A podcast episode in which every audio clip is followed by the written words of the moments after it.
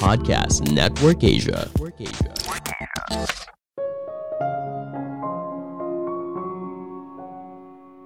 Suara yang muncul di dalam diri tidak perlu dihilangkan 100%. Yang kita butuhkan adalah mengelola suara ini dengan lebih baik.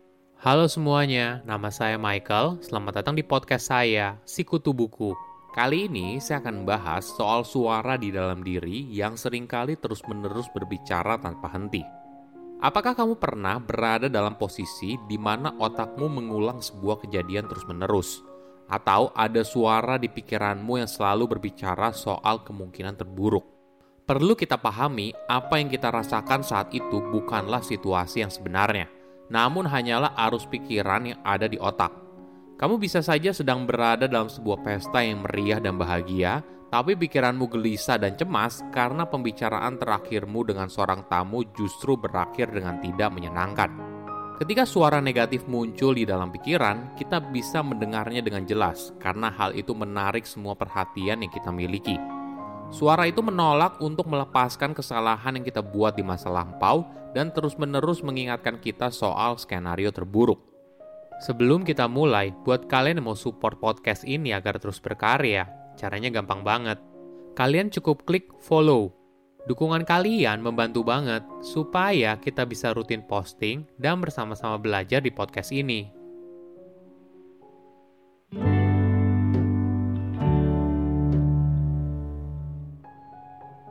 Apakah kamu pernah tidak bisa tidur, tapi otakmu mengulang kembali sebuah kejadian terus-menerus?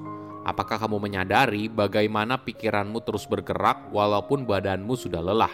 Misalnya, saat kamu melakukan sebuah kesalahan pada sebuah presentasi kerja di siang hari atau ditolak oleh gebetan dan sebagainya. Kenapa suara di dalam diri sering kali menyiksa kita? Apakah hidup akan terasa lebih baik ketika suara ini berhenti? Ketika suara di dalam diri kita yang negatif muncul, kita bisa mendengarnya dengan jelas karena pikiran kita fokus di sana. Ada sebuah kisah dari seorang psikolog dari Michigan University bernama Ethan Cross Ketika anak perempuannya berusia kurang dari satu tahun, mereka punya ritual sebelum tidur. Jadi, sebelum tidur, Ethan akan bermain dengan anaknya dulu. Dia mengayunkan anaknya naik dan turun seperti bermain pesawat terbang. Ritual ini terjadi setiap saat, hingga suatu hari tiba-tiba saja anak perempuannya berteriak kencang. Ethan lalu panik dan menunggu istrinya untuk pulang dari kantor. Dalam situasi tersebut, pikiran Ethan mulai menjalankan berbagai simulasi soal kemungkinan terburuk. Apakah dia secara tidak sengaja membuat anaknya luka parah? Apakah anak perempuannya butuh dioperasi? Apa yang terjadi apabila dokter melakukan operasi pada anak di bawah umur satu tahun? Lalu, pikiran Ethan mulai membayangkan skenario yang lain. Dia mulai berpikir, apa kata dokter ketika melihat dirinya membawa anak perempuannya dalam kondisi tersebut?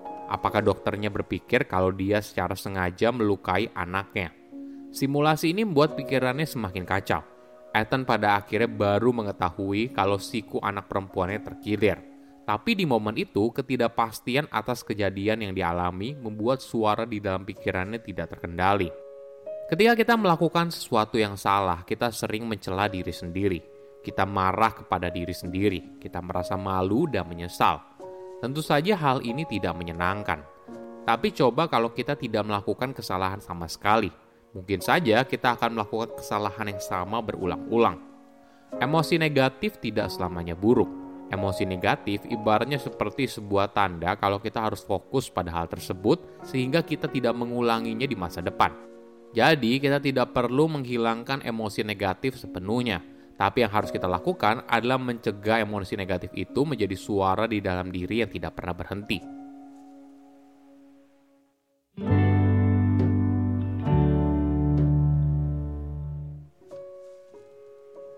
Bagaimana hidup tanpa adanya suara di dalam diri?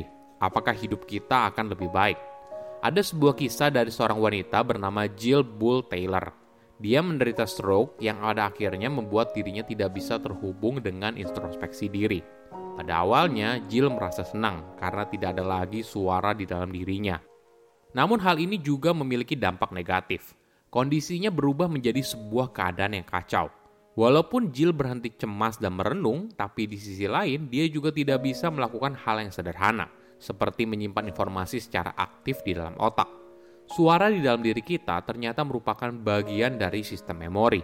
Jill juga kehilangan kemampuan untuk menyusun pemikirannya, untuk memahami apa yang terjadi di lingkungan sekitarnya. Dari kisah ini kita belajar, dalam menghadapi suara di dalam diri, kita tidak perlu 100% menghilangkannya. Tapi kita harus belajar bagaimana mengatur suara itu dengan lebih efektif. Apakah ada cara yang lebih baik? Bagi orang yang pernah mendengar suara di dalam diri beserta semua skenario-nya, pasti sadar kalau ini seperti masuk ke dalam rabbit hole. Mungkin kamu bisa mencoba untuk berbicara dengan dirimu sendiri tapi dari sudut pandang orang ketiga, layaknya sedang memberikan saran kepada seorang sahabat. Metode ini dinamakan distance self-talk. Melalui metode ini, kamu sedang berusaha untuk mengarahkan dirimu sendiri melalui suara di dalam diri Misalnya, kamu menyebut nama kamu lalu mulai bertanya, apa yang kamu rasakan? Lalu kamu mulai membedah situasi yang kamu hadapi saat itu. Cara ini ternyata cukup efektif karena kamu bisa melihat sebuah situasi menjadi lebih objektif. Tips lain yang menarik adalah dengan mengubah cara kita menafsirkan sebuah keadaan. Kita harus mengubah persepsi dari melihat kondisi saat ini sebagai ancaman, tapi melihat hal ini sebagai sebuah tantangan. Cara kerjanya gini, ketika seseorang sedang mengalami stres, mereka sering kali secara tidak sadar bertanya kepada diri mereka sendiri. Apa yang dibutuhkan oleh saya di situasi tersebut dan sumber daya apa yang saya butuhkan untuk mengelola situasi tersebut. Kita bisa memberikan hasil yang lebih baik ketika kita mengubah ancaman menjadi tantangan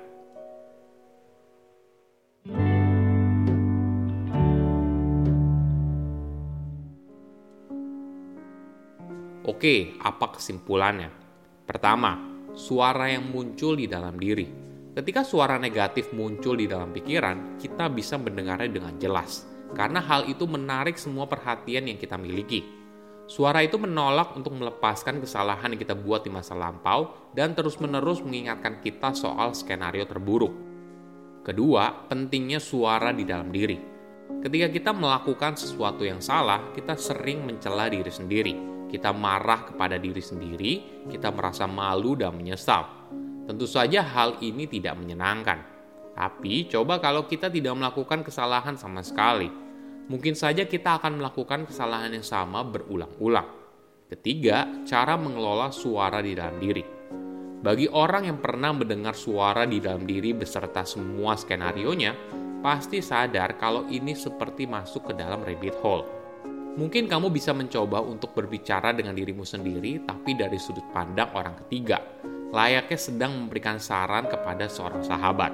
Saya undur diri, jangan lupa follow podcast Sikutu Buku. Bye-bye.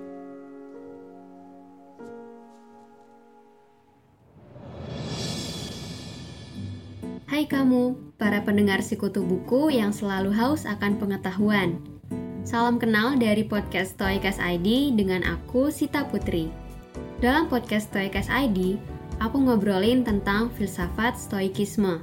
Tapi tenang aja, pembahasannya ringan kok karena berkaitan erat dengan kehidupan sehari-hari. Sehingga filsafat stoikisme sangat bermanfaat untuk kamu terapkan dalam mengatasi kegalauan dan kekhawatiran dalam hidup. Aku tunggu kamu di podcast Stoikas ID ya. Pandangan dan opini yang disampaikan oleh kreator podcast, host, dan tamu tidak mencerminkan kebijakan resmi dan bagian dari podcast Network Asia. Setiap konten yang disampaikan mereka di dalam podcast adalah opini mereka sendiri dan tidak bermaksud untuk merugikan agama, grup etnik, perkumpulan, organisasi, perusahaan, perorangan, atau siapa pun dan apa pun.